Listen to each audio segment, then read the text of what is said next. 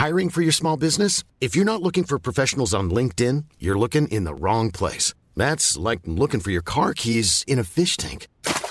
LinkedIn helps you hire professionals you can't find anywhere else, even those who aren't actively searching for a new job but might be open to the perfect role. In a given month, over 70% of LinkedIn users don't even visit other leading job sites. So start looking in the right place. With LinkedIn, you can hire professionals like a professional. Post your free job on linkedin.com slash people today. Mom deserves the best, and there's no better place to shop for Mother's Day than Whole Foods Market. They're your destination for unbeatable savings, from premium gifts to show-stopping flowers and irresistible desserts. Start by saving 33% with Prime on all body care and candles. Then get a 15-stem bunch of tulips for just $9.99 each with Prime. Round out Mom's menu with festive rosé, irresistible berry chantilly cake, and more special treats. Come celebrate Mother's Day at Whole Foods Market. Millions of people have lost weight with personalized plans from Noom, like Evan, who can't stand salads and still lost 50 pounds. Salads, generally, for most people, are the easy button, right? For me, that wasn't an option. I never really was a salad guy. That's just not who I am. But Noom worked for me. Get your personalized plan today at Noom.com. Real Noom user compensated to provide their story.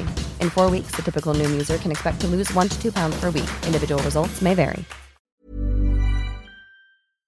Velkommen til Bak scenen. Jeg heter Trond Harald Hansen, og i denne podkastserien får du bli med i kulissene på norsk showbiz-bransje når jeg snakker med kjente artister, skuespillere, programledere og produsenter.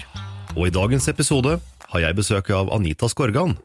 Bak scenen med Trond Harald Hansen. Anita Skorgan, velkommen hit. Jo, takk. Hvordan var det din artistkarriere starta? Har du hatt dette i deg helt siden du var liten, eller fant du ut av dette etter hvert at Nei, det Artist det vil bli. Det, bare det i seg selv vil ta to timer å forklare. Nei, jeg tror nok det begynte med at, eh, at eh, moren og faren min kjøpte piano som det første møbelet i leiligheten i Gøteborg. Og så sto jo det pianoet der, og så begynte jeg å spille på det, og nei.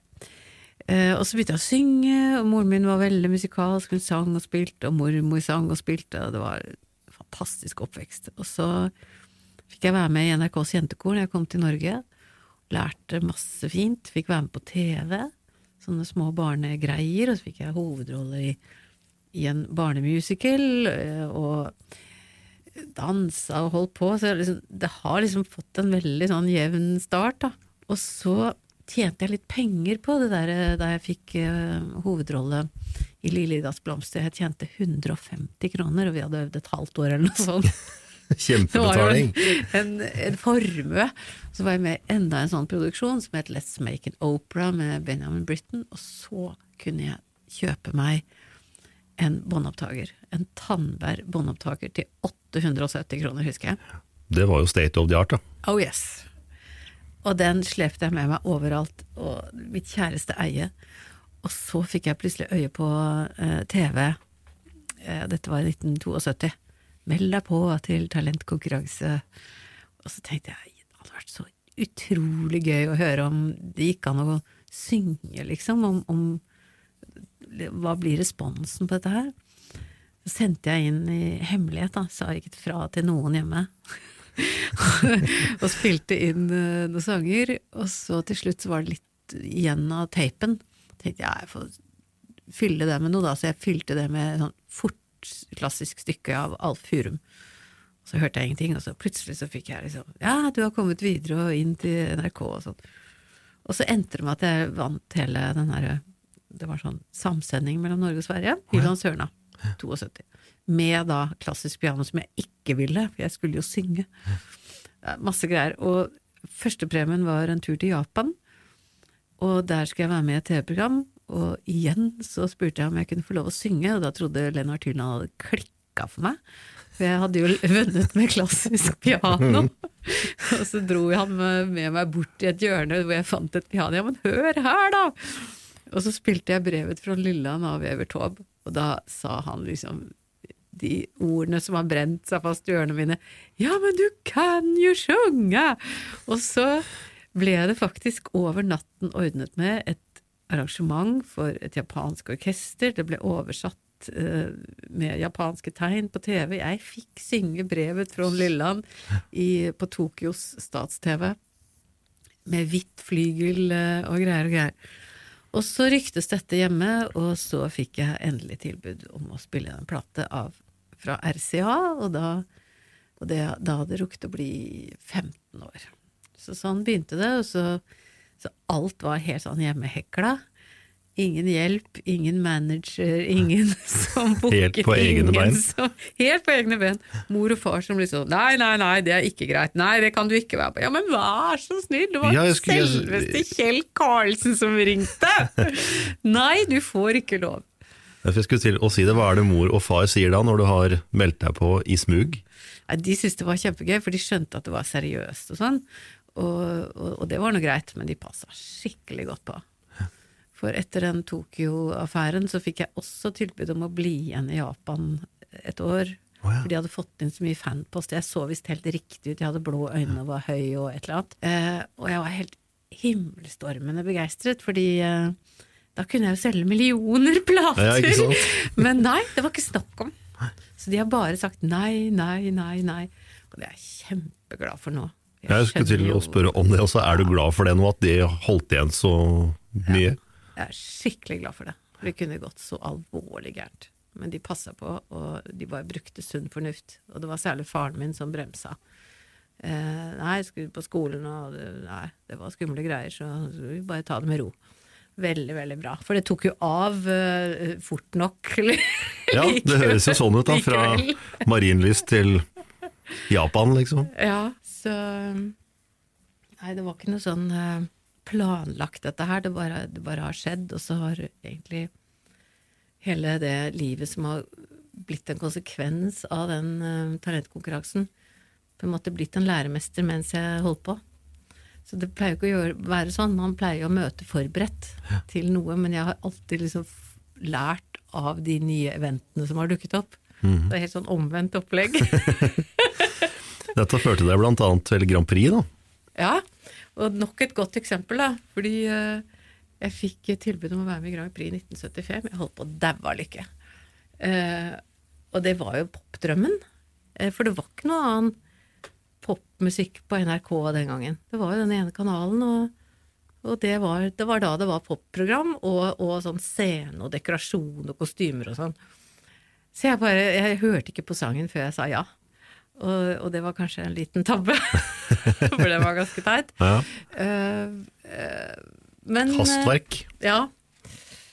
Og dette forteller jeg om den nye konserten min òg. Men eh, det gikk bra, det òg. Og eh, året etter så fikk jeg tilbud om Casanova, og det var jo en morsommere så, låt. Den var jo moderne, den var jo, det var en poplåt. Ja. Jeg tror kanskje det var den første poplåten i, i eh, Grand Prix i Norge. Så det var gøy, da. Og da insisterte jeg på å ha på meg mine egne klær og, og sånn. Det var skikkelig vanskelig. Nei, du kan ikke ha på deg cowboystøvler, liksom. Jo, det kan jeg. Hvis jeg vil det, så kan jeg det. Det kan jeg. Året før hadde jeg stått i sånn konfirmantkjole de hadde sydd til meg. Jeg var dypt ulykkelig. Det var jo. Jeg ser jo nå at den fungerer kjempefint, men da var det helt ille. Helt krise da, ja. Ja, det var ille. Da fikk du alle låtene ferdig. De var liksom plukka ut til deg, det var ikke noe du skrev sjøl? Nei, nei. Nei. Og så kom dette etter hvert med låtskrivingen. Jeg har, jeg har jo faktisk med en egen låt på den aller første LP-plata mi. Eh, så det har liksom kommet rolig og greit etter hvert med årene. Men eh, jeg var jo ikke plaget av sånn hyperselvtillit i de årene der. Var, jeg var veldig beskjeden og sjenert og forsiktig og sånn. Så, og den troen på egne evner, den har variert kraftig gjennom årene. Men så det å komme med sin egen låt, det er jo som å åpne dagboka si, på en måte. Det er helt forferdelig å gjøre. Å spille sin egen sang første gangen for noen, det er Det vil jeg tro. altså Det kan være litt vanskelig. Ja, det er liksom, du aner ikke liksom helt hvordan det blir tatt imot. Jeg husker jeg så i den forbindelse da, en dokumentar om John Lennon. Da han første gangen spiller Imagine i studio for liksom proffe studiomusikerne sine. Og de sitter på beina på bord og er sånn skikkelig feterte musikere, de beste i verden og ikke sant. Og så er det siste sangen, da, på albumet. Så ja, jeg har en liten sang her. Og liksom ja, så- Og så ser jeg kjente igjen den der usikkerheten, den der sårbarheten du får. Og så går han bort til det der pianoet som låter sånn som Imagine låter, og så begynner han å spille den låta. Og liksom gutta inne i studiet er liksom sånn Ja, ja det gjorde liksom ikke noe inntrykk, liksom. Altså. og han sitter og knoter med det der og spiller litt feil og liksom sånn Ja, men det er greit, ja, ok, skal vi se, skal vi gjøre, hvordan skal vi gjøre den, da? Så begynner de å holde på med komp og sånn. Og så er det at Yoko Ono inne i studio bare sier nei, nei, nei, nei, hun trykker på knappen og snakker til alle på callingen. Nei, nei, nei, this is a very sensible song. It, it must be very, very soft. Så får hun viljen sin, altså. Og hun bare redder den sangen fra å bli en sånn derre hipp, eh, tullete greie. Det skal vi egentlig være veldig glad for at hun gjorde, da. Det er veldig, veldig gøy å se sånt eh, fra innsida. Det er kjempegøy. Kanskje ikke like gøy for en rørlegger, liksom. Altså, Der kan hende han har annet uh... ja, for det er kanskje enda gøyere for han å se hvordan ting blir konstruert, og liksom sånn på innsiden av hans verden og yrke, ikke sant? Og Jeg tror de aller fleste liker å vite hvordan ting er laga. Ja, Har jeg litt inntrykk av, da. ja. Det- Eller kanskje det er fordi du er mann.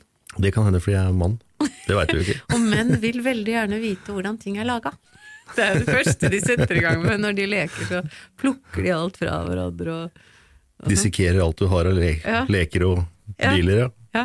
Men hvordan var mottagelsen da, når du liksom var på TV, og, og du var så liten allerede i eh, NRKs pikekor? Ja. Nei, det var, det var ikke som forventet, altså. Det var eh, en veldig lav respons, husker jeg. Jeg ble, jeg ble så overrasket over det. Jeg syns selv det var så kjempefint. Åtte-ni år gammel, kom på TV liksom sånn, og i en halvtime liksom holder på, og du vet at alle barna på skolen ser på, for det var liksom det Det var ikke noe det alle så på. Og så var det, husker jeg bare at det første jeg hørte da jeg kom inn i skolegården, Så deg på TV i går, var ikke noe fint. Og det var helt sjokkerende. Og så året før, da jeg, da jeg hadde begynt på den skolen, så, så var jeg skremt, fordi da hadde det vært eh, De forfulgte en gutt som hadde litt sånn mørkere hår og hadde en litt sånn annerledes hatt på huet og sånn. Og, og han ble liksom bare forfulgt rundt i skolegården, og det var, de kastet seg over han og banket han opp til blodet rant. Og det var så skummelt. Jeg fikk helt sjokk over det, og jeg kom fra første klasse på svensk skole, og dette var da annen klasse. Og, og jeg hadde vel liksom bare instinktivt forstått at skolegården er et livsfarlig sted. Dette var en veldig stor skole, og det var ingen som passa på. Så jeg trodde at nå, er, nå skal jeg bankes opp, nå skal blodet renne. jeg var helt sikker. Det var ikke noe fint. Ok, ok, ok. Det går. Det Nå er det min tur til å, bli, å være mobbeobjekt. Så, så jeg tror det var en veldig skjellsettende opplevelse som har prega meg hele livet. Akkurat det der. For da var det liksom bare opp med skuldrene og beskytte seg og, og kjøre safe, liksom. For ikke å stikke seg ut og ikke bli det der mobbeofferet. Man måtte ikke være for flink, eller man måtte ikke være for noe. Man måtte bare være i midten. Være akkurat passe. Det var trygt. Men det er jo sånn janteloven er egentlig, og det da, du skal jo ikke tro du er noe. Ja, du, må, du er safe midt i flokken. Og jeg er en veldig forsiktig type, men jeg har blitt tøffere etter hvert, altså. Pokker heller, da har jeg blitt. Skulle bare mangle. mangle. Ja, men man kunne jo bukket under òg. Bukket under! Bukket under. Ett av to! Ja. Men eh, ja, noen, eh, for eksempel min første, eller min eneste ektemann, han ville ikke tenkt sånn. Jahn Teigen ville ikke tenkt at ja, jeg tror jeg plasserer meg midt i flokken. Der er jeg trygg. Not. Skal være foran. Han ville gått eh, Han ville bare tatt uh, hærførerplassen og satt i gang. Og fått de til å føle seg. Men vi har alle forskjellige taktikker for å overleve, eller for å finne mening, eller hva det nå enn det er som driver oss. Men du var jo med i Grand Prix hvert eneste år omtrent, i veldig mange år. ja. Og det var jo samme forklaring som den første, at det var det popprogrammet som var, liksom. Og syns jeg det var fryktelig gøy med konkurranser. Jeg ble oppdratt uh, til å konkurrere. Min mor og far var, hadde liksom De var veldig forskjellige, men de hadde sporten felles. Så det var sånn uh, førstemann i seng, hvem kan pusse tennene fortest? Hele oppveksten var sånn konkurranse. Så det var liksom flaska oppå. Så konkurranse var gøy. Og Grand Prix var både pop og konkurranse. Perfekt. Så blei det jo seier i 77 og 79. Mhm. Hvordan er det å gå fra finalen her da, til den som er internasjonal, hvor alle er med? Det er, det er eh, Jeg opplevde det som veldig skummelt den første, første gangen. Kjempeskummelt, fordi var, da var, det, var jeg fare igjen, vet du. Da var jeg utafor flokken og skulle begynne å representere Norge og sånn. Shit, altså. Og jeg følte meg ikke så dreven, og jeg hadde ikke hatt noen egne konserter enda og sånne ting. Men det gikk da bra, det òg. Selv om ikke vi kom så veldig høyt opp, så syns jeg liksom at det så bra ut. Det låt bra, vi gjennomførte, det var liksom ingen tapt ære.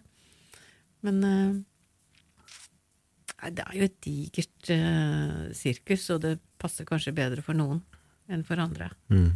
Jeg syns det var spennende, altså. Så jeg er veldig sånn sammensatt person. Både forsiktig og modig og seriøs og useriøs og vil og vil ikke. Det er liksom eh, Ja, jeg opplever at jeg har eh, et stort spenn innvendig, altså. Men det syns jeg jo også er veldig spennende. Men den Grand Prix-produksjonen, har den bare økt i omfang hvert eneste år? Blir den bare større og større? Eller Jeg gjør den ikke det? gjorde den det da? Jeg ser ikke så mye Grand Prix, altså. Nei. Syns det var bedre før. Jeg tar den unge gamle, unge, gamle generasjonen som syns det var litt bedre før. Ja, nei, altså den, den utvikler seg jo, og det har kommet så mange deltakere, så den, er, den stanger kanskje i taket av seg selv eh, i, det, i så måte. Jeg ser jo på Grand Prix hvert år og syns det er uh, morsomt. Uh, men jeg, jeg, jeg, jeg ser jo på veldig mye annet også, og hører på jazz og klassisk og altså men det er liksom den ene gangen i året, og da setter jeg meg ned og, og, og ser på det. Og da tenker jeg alltid at det er for mange med. Man blir jo helt utslitt når man har hørt alle disse sangene. Og kanskje litt det samme som eh, dagens radiomusikk, hvor alle slåss eh, om akkurat det der samme lille stedet hvor alle skal prøve å være like mm. fengende. Hvor du skal komme banke inn i det der refrenget som skal være sånn og sånn. Og det, det blir sånn likelydende, det kan bli litt kjedelig. Man kan bli litt mett. Og så skal alle skråle. Så, sånn som i fjor, så var det jo en som var helt nede, og som bare kjørte helt omvendt til alle andre, og vant så det suste. Men eh, de kunne godt ha slanka hele opplegget.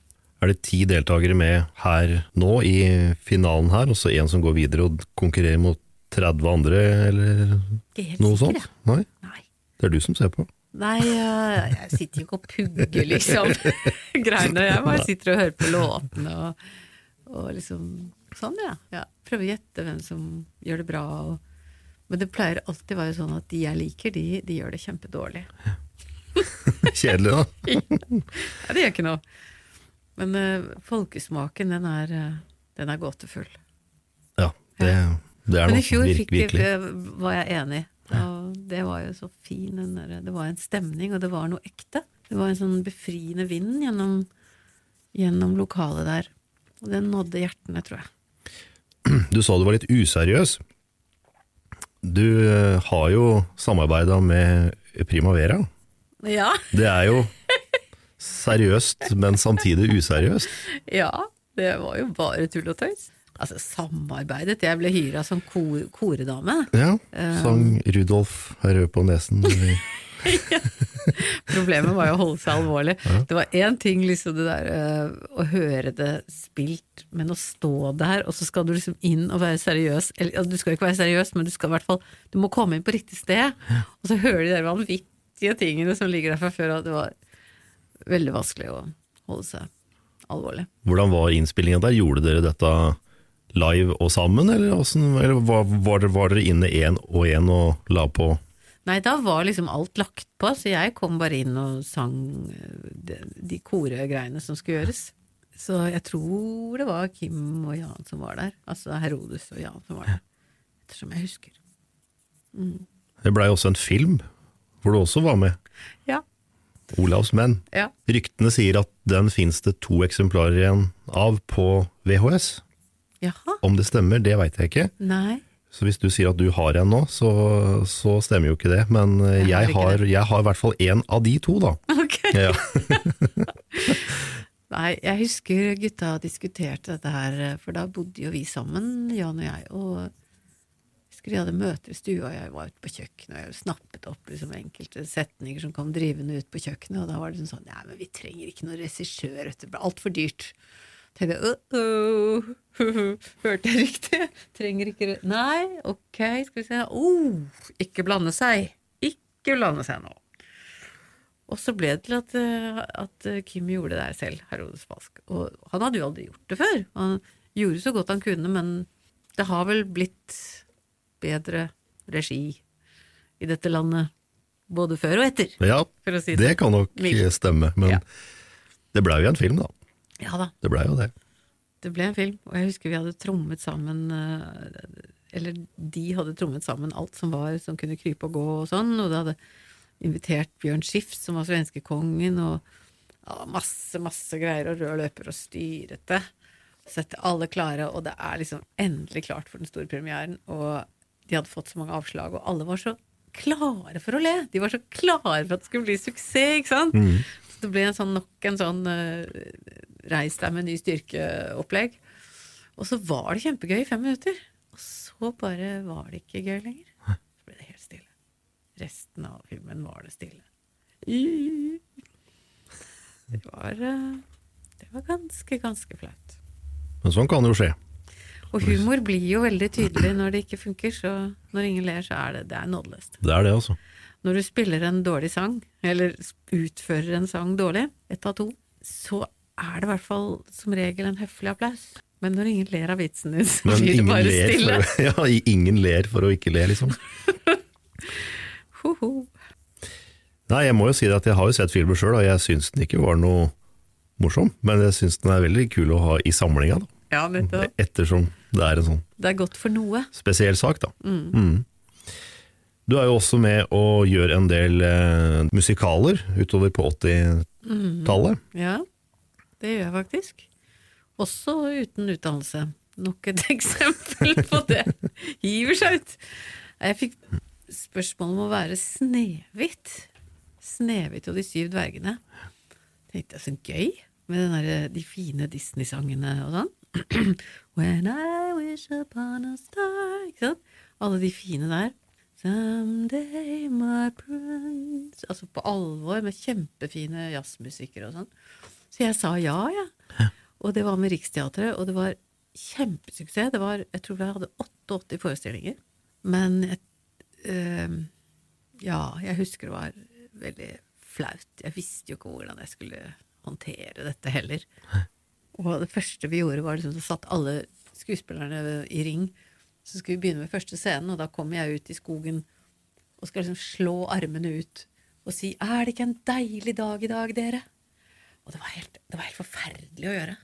Bare å liksom ta armene ut sånn og ta så mye plass. Det hadde jeg aldri gjort før. Det var helt forferdelig. Og der satt alle de der proffe skuespillerne liksom og så på meg. Ah! Å, det var fælt. Åh! Men det gikk seg til, og folk var snille, og de skjønte at jeg var helt ferskelersk. Så de hjalp meg og var søte, og vi, det ble en kjempehyggelig turné. Og jeg syntes det var veldig morsomt. Så jeg fortsatte eh, lite grann, men eh, det har jo ikke liksom utartet seg i musicalverdenen. Nei. Jeg husker både Jan og jeg prøvde å gjøre Eller vi gjorde, vi var på audition for Le, Le Miserable da det skulle settes opp på Norske Teatret første gangen. Så husker jeg Monique Iversen kom inn i garderoben før vi skulle inn og sa ja, dere er klar over at, eh, at det kanskje er litt andre typer honorarer enn dere er vant til, da? Eh, ja. vi fikk ikke rollen. Nei. Nei, vi gjorde ikke det. Nei. Det er bare en helt egen verden. Jeg liker det veldig godt. Og jeg skulle gjerne egentlig ønsket at det hadde funnets sånne musicalskoler da jeg var ung. Da hadde jeg gått på de, alle sammen. Så man kunne Ja. lært det. Jeg hadde tatt jazzlinja i Trondheim, og så hadde jeg, så hadde jeg tatt uh, musical slash skuespillerutdannelse. med noe dansegreier. Hvis det hadde, men det fantes ikke! Nei, det var learning by doing, eller? Ja, det var det. For veldig mange. Og jeg endte opp med uh, musikkvitenskap. Det falt ikke helt i smak. Altså så boring at uh, hjelp. Det er fælt å si, men det var altså ikke virkelig Noen syns sikkert det er supert, men analyse av musikk det er liksom, Du kommer et stykke, men så kommer du ikke lenger, altså. Det har jeg ikke fått noe bruk for. Men slik skal vel ikke analyseres, det skal høres på? Ja, øh, men eh, man har kanskje bruk for at noen vet noe om musikk og hvordan den er bygget opp og hvorfor det blir som det blir og alt det der, men jeg trodde det egentlig var forbeholdt komponistene. For de må ha kontroll på håndverket sitt og hvordan de skal oppnå det og det, den og den effekten i en symfoni osv. Men der sitter man altså på det studiet og analyserer partiturer nedover sånn, og så skal du liksom se ja, det er den akkorden, skal vi se, og så alt er i forskjellige tonearter, for alle horn har forskjellige tonearter. Det er et helvete! Og så skal du da liksom beskrive dette med ord, hvorfor man har gjort, eller hva som skjer når den og den akkorden kommer etter hverandre, for da får du den effekten. Og. Det høres jo ut utrolig kjedelig ut, da. Så, Og så, eh, ja. Men eh, jeg fikk noe ut av det, for på mellomfag så hadde jeg så fikk jeg plutselig en fantastisk lærer som het Jon Roar Bjørkvold, professor nå i eh, barnemusikk, barnesang.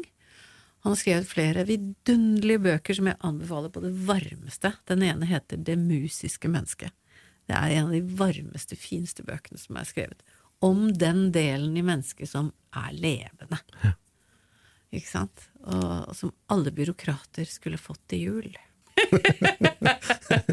les før, år, Les før og lev og pust og få litt farger inn i kroppen. Mhm. Eh, Så det var kanskje det meningen med alt sammen, at jeg fikk han. Og da valgte jeg bare det faget som sto som han hadde, for jeg lukta lunta at han var bra. Og det var Sjostakovitsj. Aldri vært borte. There's never been a faster or easier way to start your weight loss journey than with PlushCare. PlushCare accepts most insurance plans and gives you online access to board-certified physicians who can prescribe FDA-approved weight loss medications like Wigovi and Zepbound for those who qualify. Take charge of your health and speak with a board-certified physician about a weight loss plan that's right for you. Get started today at plushcare.com slash weight loss. That's plushcare.com slash weight loss. plushcare.com slash weight loss. Planning for your next trip? Elevate your travel style with Quince. Quince has all the jet setting essentials you'll want for your next getaway, like European linen, premium luggage options, buttery soft Italian leather bags, and so much more. And is all priced at 50 to 80% less than similar brands. Plus, Quince only works with factories that use safe and ethical manufacturing practices. Pack your bags with high-quality essentials you'll be wearing for vacations to come with Quince. Go to quince.com slash pack for free shipping and 365-day returns. Og det viste seg å være et kjempeinteressant halvår, da, fordi Sjostakovitsj var en russisk komponist som beveget seg akkurat mellom tonal og atonal musikk. I den perioden hvor liksom dette svingte innover mot uh, veldig atonale ting, men han var liksom i det overgangslandskapet. og det var jo under Stalins periode i Russland, sånn at og Stalin forlangte at alle kunstnerne i Russland skulle skrive nasjonalromantisk musikk, eller tegne, male nasjonalromantisk, for å bygge opp under den store russiske tanken, og hjemland og sånn. Mens eh, kunstnerne som da tar sitt virke på alvor, ikke sant, de kan ikke la seg diktere på den måten der. Så da fikk du da satt på spissen hele den konflikten, da. Hva skjer når, du, når en kunstner da blir strupet på den måten? Og han tok noen sinnssyke sjanser! De som da ikke fulgte disse eh, retningslinjene, eller kommandoene fra, fra øverste hold, fra Stalin, de ble rett og slett eh, hentet og tatt til Sibir. Og såpass, Og mange av dem kom ikke tilbake, og noen ble drept. Det var alvor, altså. Så Sjostakovitsj hadde alltid en koffert stående pakket hjemme Kan du tenke deg det livet? Klarte å Hvor du går med hjertet i halsen og lurer på om har han forstått nå at jeg faktisk er modernistisk? Jeg, er, jeg er ikke nasjonalromantisk, jeg var faktisk ironisk da jeg tok og la inn de der som skulle liksom forestille en flott militærparade, men som egentlig var ironisk ment, så videre. Det var kjempeinteressant. Og Bjørkvold sto på bordet og forklarte og tegnet og hadde bodd i Russland i åtte år. Han var bare et eventyr. Og vi lo og vi grein, og det var helt fantastisk. Så jeg vet masse om Sjostakovitsj som jeg aldri ville ha visst om det ikke var for det. Og jeg har lest den russiske statens uh, versjon av uh, Sjostakovitsjs liv, og så har jeg lest den som ble smuglet ut til Vesten. Og så skulle vi sammenligne, da. Veldig fint. Han overlevde antagelig, hvis noen lurte på det, som hører på denne eh, podkasten, fordi han fikk suksess i Vesten. Og da er antagelig så turte ikke Stalin å gjøre noe med han. Og en av de tingene som gjorde mest inntrykk på meg, det var at han kom seg over til USA og ble invitert på en sånn festival der.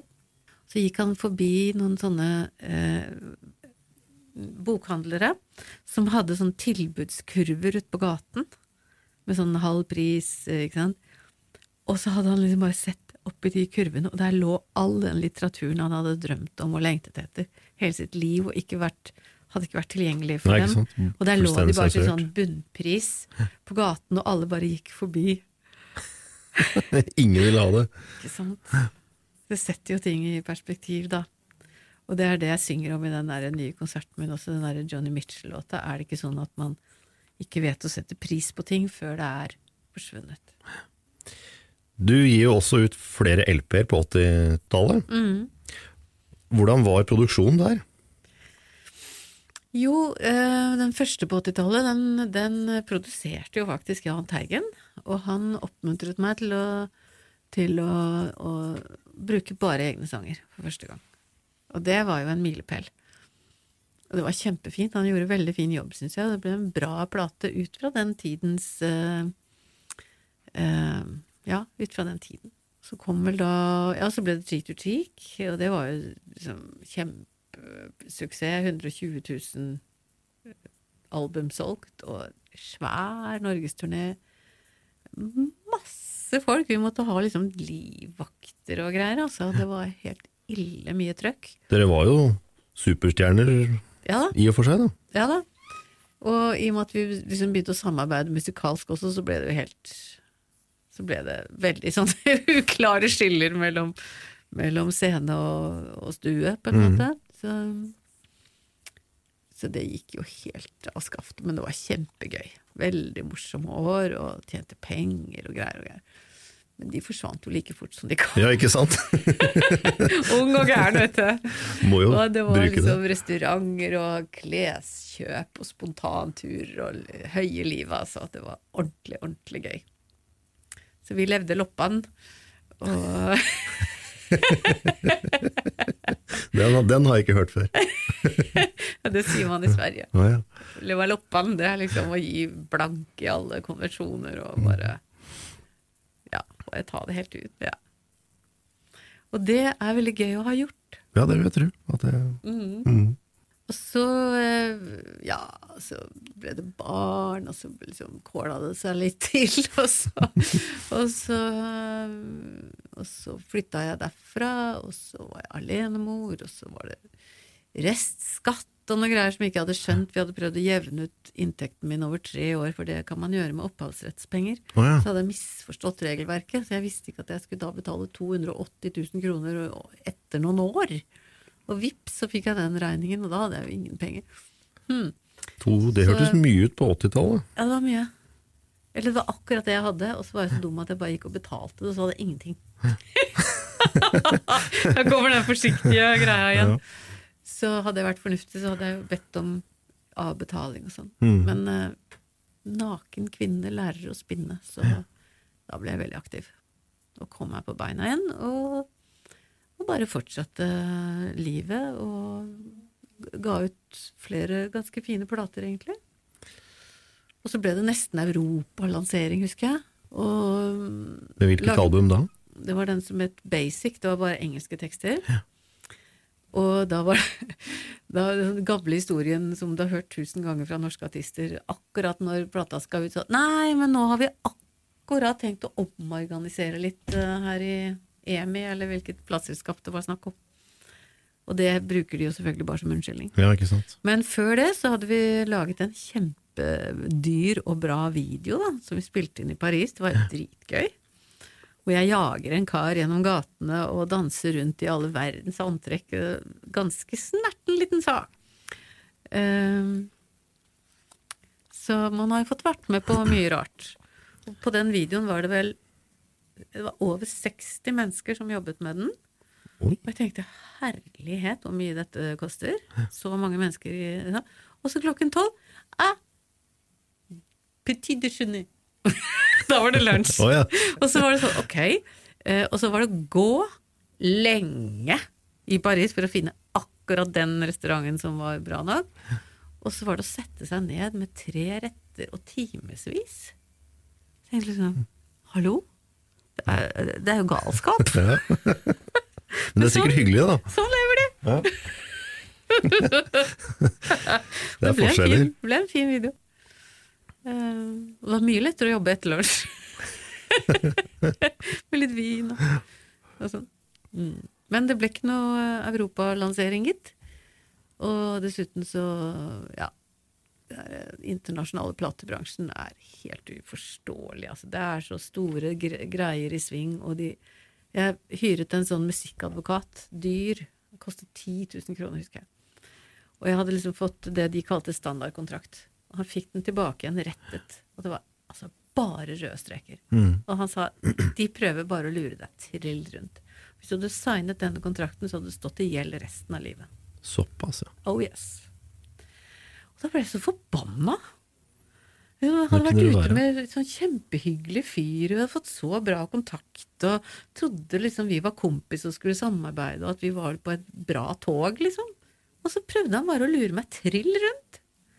Ja, det er så åh, Orker ikke.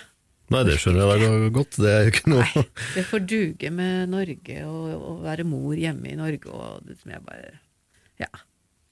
Men uh, det er hyggelig å få napp, da. Ja, selvfølgelig. Og liksom få følelsen av at det kunne kanskje ha blitt et eller annet. Mm. Men, Men hvis, hvis du skal bli lurt da, på veien, så er det jo bedre å skippe det.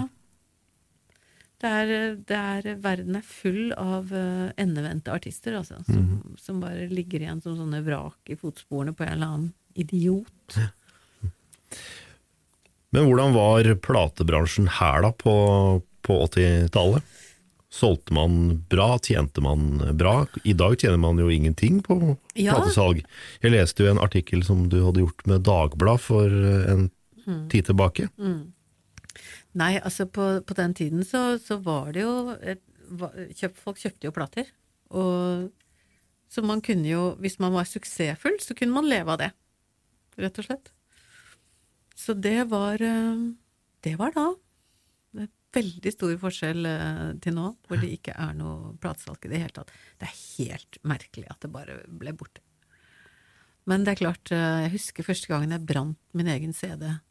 At det gikk an fra en, en datamaskin Hallo, øh, dette var for lett.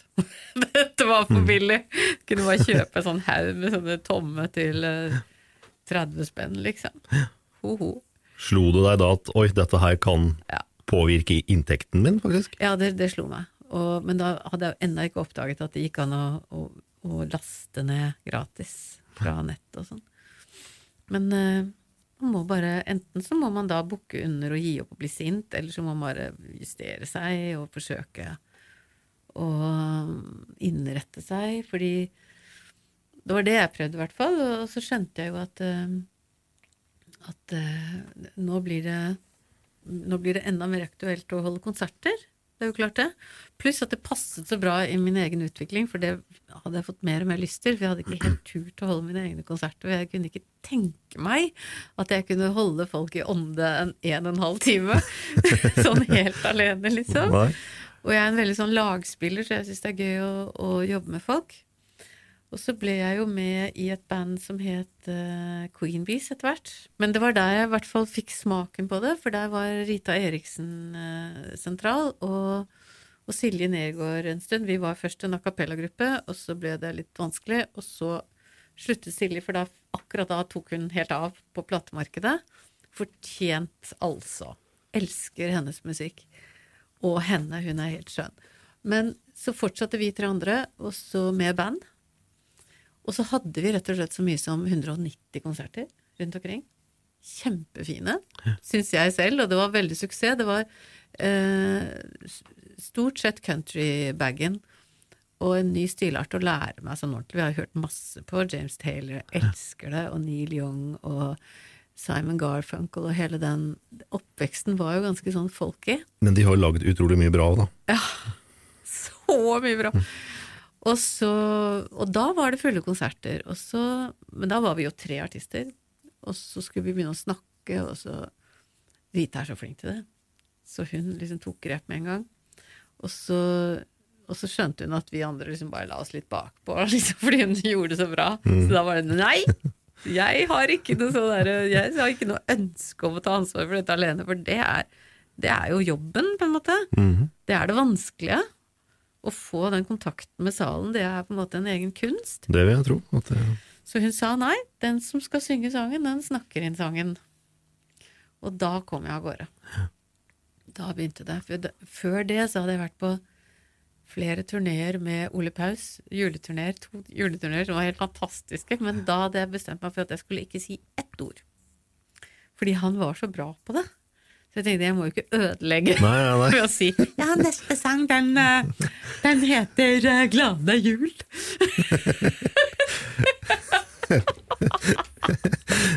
så, så, jeg tenkte at enten eller, enten så, så sier jeg noe som jeg, som jeg, vet funker, eller så sier jeg ingenting. Men Rita tvang meg på banen, og da hadde jeg liksom hørt på han i to år, og liksom fint å ferske litt ut hvordan ting fungerte og sånn. Og så begynte jeg å snakke, og så Oi! Å ja! Nei, så fint! Det går faktisk og greit. Og plutselig så løsna det, liksom. Og tok noen sjanser og eksperimenterte litt og sånn. Og nå syns jeg det er noe av det fineste med konserten. Den derre Man må forberede seg, selvfølgelig. Man må ha, en, ha noe som man skal frem til. Og så prøver man seg litt frem ut fra det. Ja. Men i mange år så var det mer sånn Nei, jeg vet ikke riktig hva jeg skal si, men det kommer, vet du. Det gjør ikke det. Nei. Nei. Du skal være uhyre dreven du må ha en plan. for at du skal kunne improvisere sånn ut av ingenting. Det var i hvert fall min erfaring. Men nå har jeg stor glede av å, å snakke med publikum. Jeg prøver å ikke snakke for mye, ikke snakke for lite. Liksom balansere med musikken. Og at, det, Mellomting der, ja. og at det også gjør klart for den musikken som skal komme. For det er mye lettere å ta imot en sang når du har hørt litt om hva det, hva det handler om, eller, eller, hvordan det ble til, eller en historie knyttet til det, eller noe, gjerne noe personlig, ikke sant. Da blir det mye mer levende, og folk har lyst til å høre. Er, da er de klare for å ta imot. Det er veldig, veldig morsomt. Mm. Nei, altså, konsekvensen for publikum er jo gedigent. Jeg merker jo det som, som publikum selv at jeg kan eh, bare som et par tastetrykk, så har jeg tilgang til hele verdens musikkbibliotek. Det er jo en våt drøm. Eh, så det, det, er jo helt fabelaktig. Det er bare litt vanskelig for de som skal leve av det, ikke sant? At, mm. at alt blir gratis og sånn. Men eh, det er en stor, stor eh, problematikk og en kamp for at uh, at man skal kunne leve av det, og at noen skal kunne bli gode nok sånn at de kan holde på. ikke sant?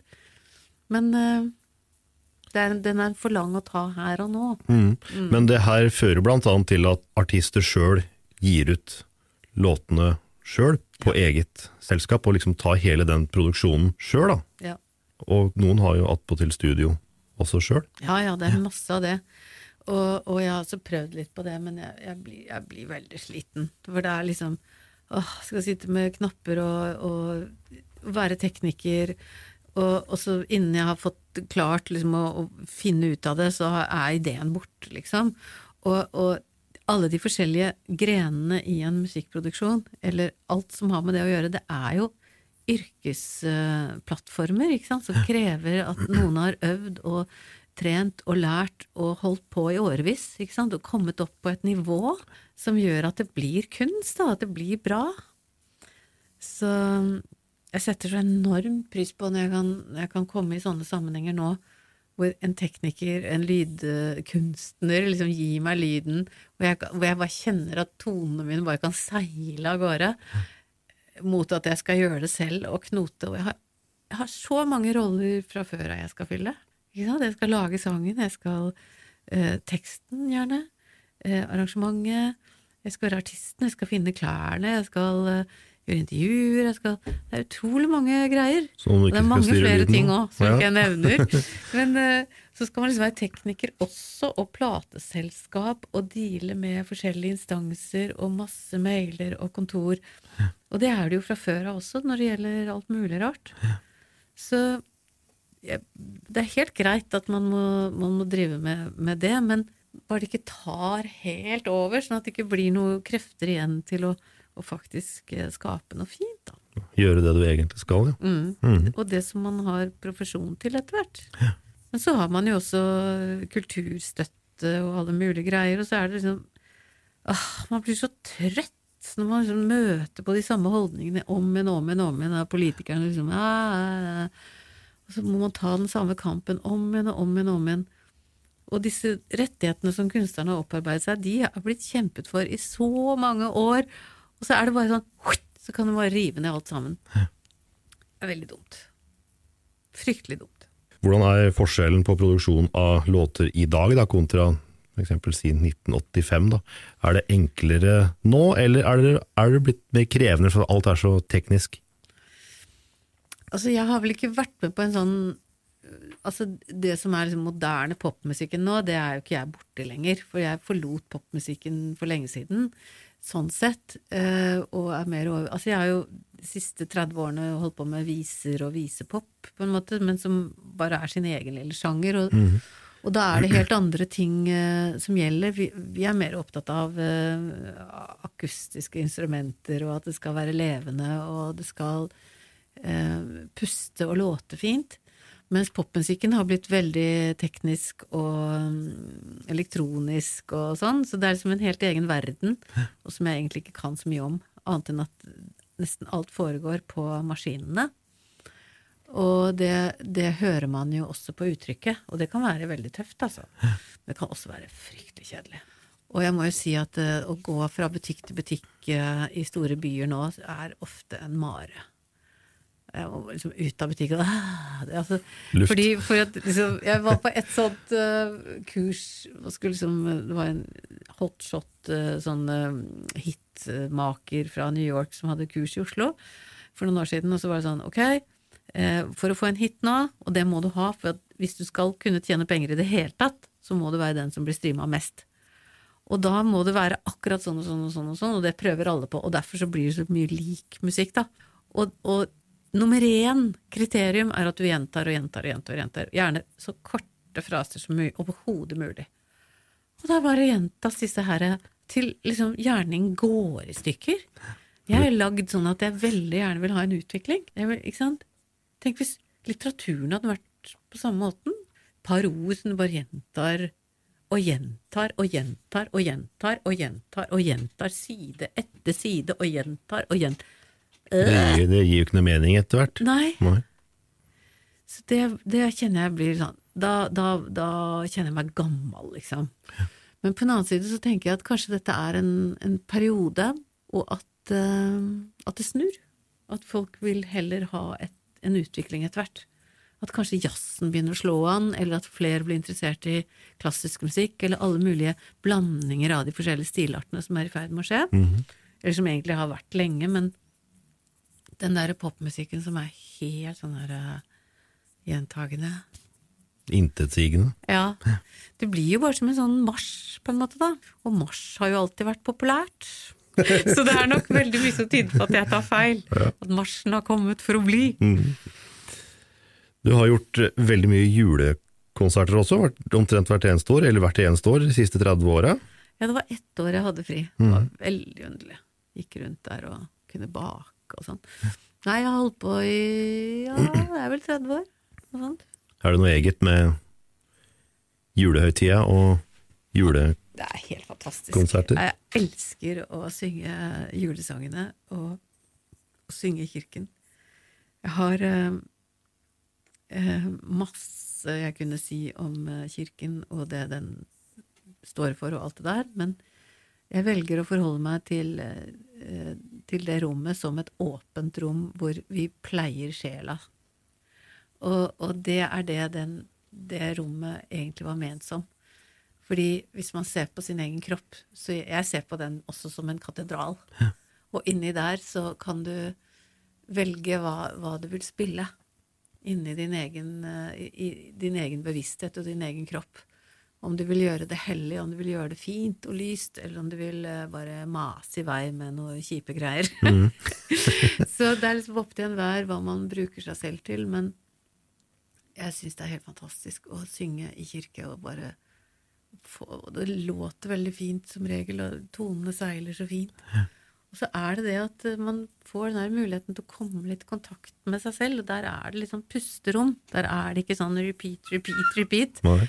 Og disse gamle sangene, og noen nye, de er de har overlevd eh, nettopp fordi det er en kvalitet i dem. Så det er veldig sterke sanger.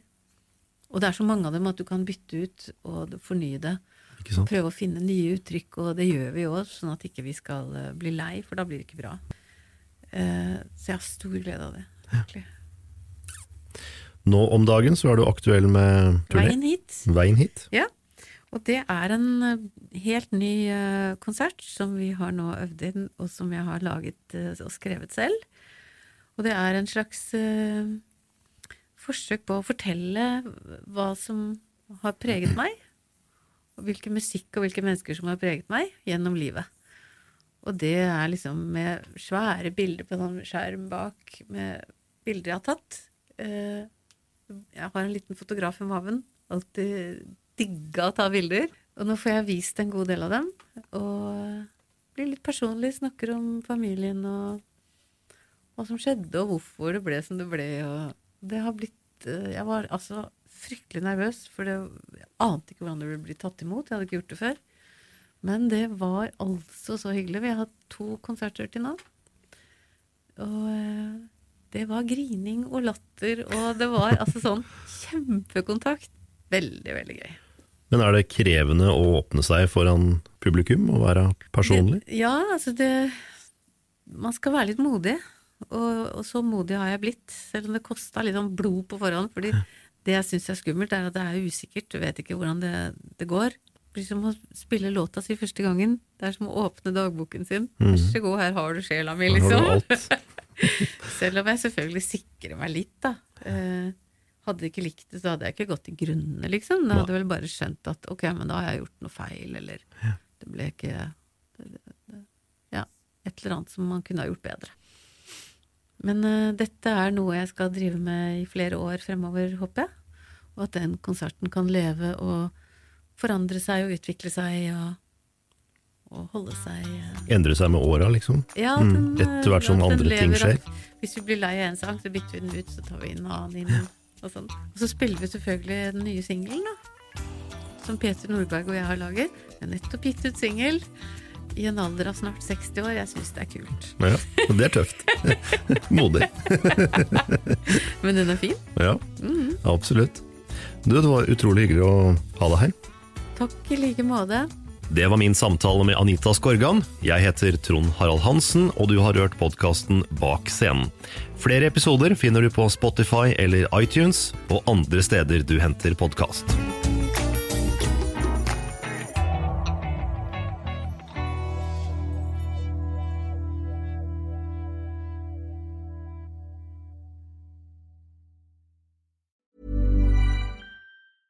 Even when we're on a budget, we still deserve nice things. Quince is a place to scoop up stunning high-end goods for 50 to 80% less than similar brands. They have buttery soft cashmere sweaters starting at $50, luxurious Italian leather bags, and so much more. Plus, Quince only works with factories that use safe, ethical, and responsible manufacturing. Get the high-end goods you'll love without the high price tag with Quince. Go to quince.com/style for free shipping and 365-day returns.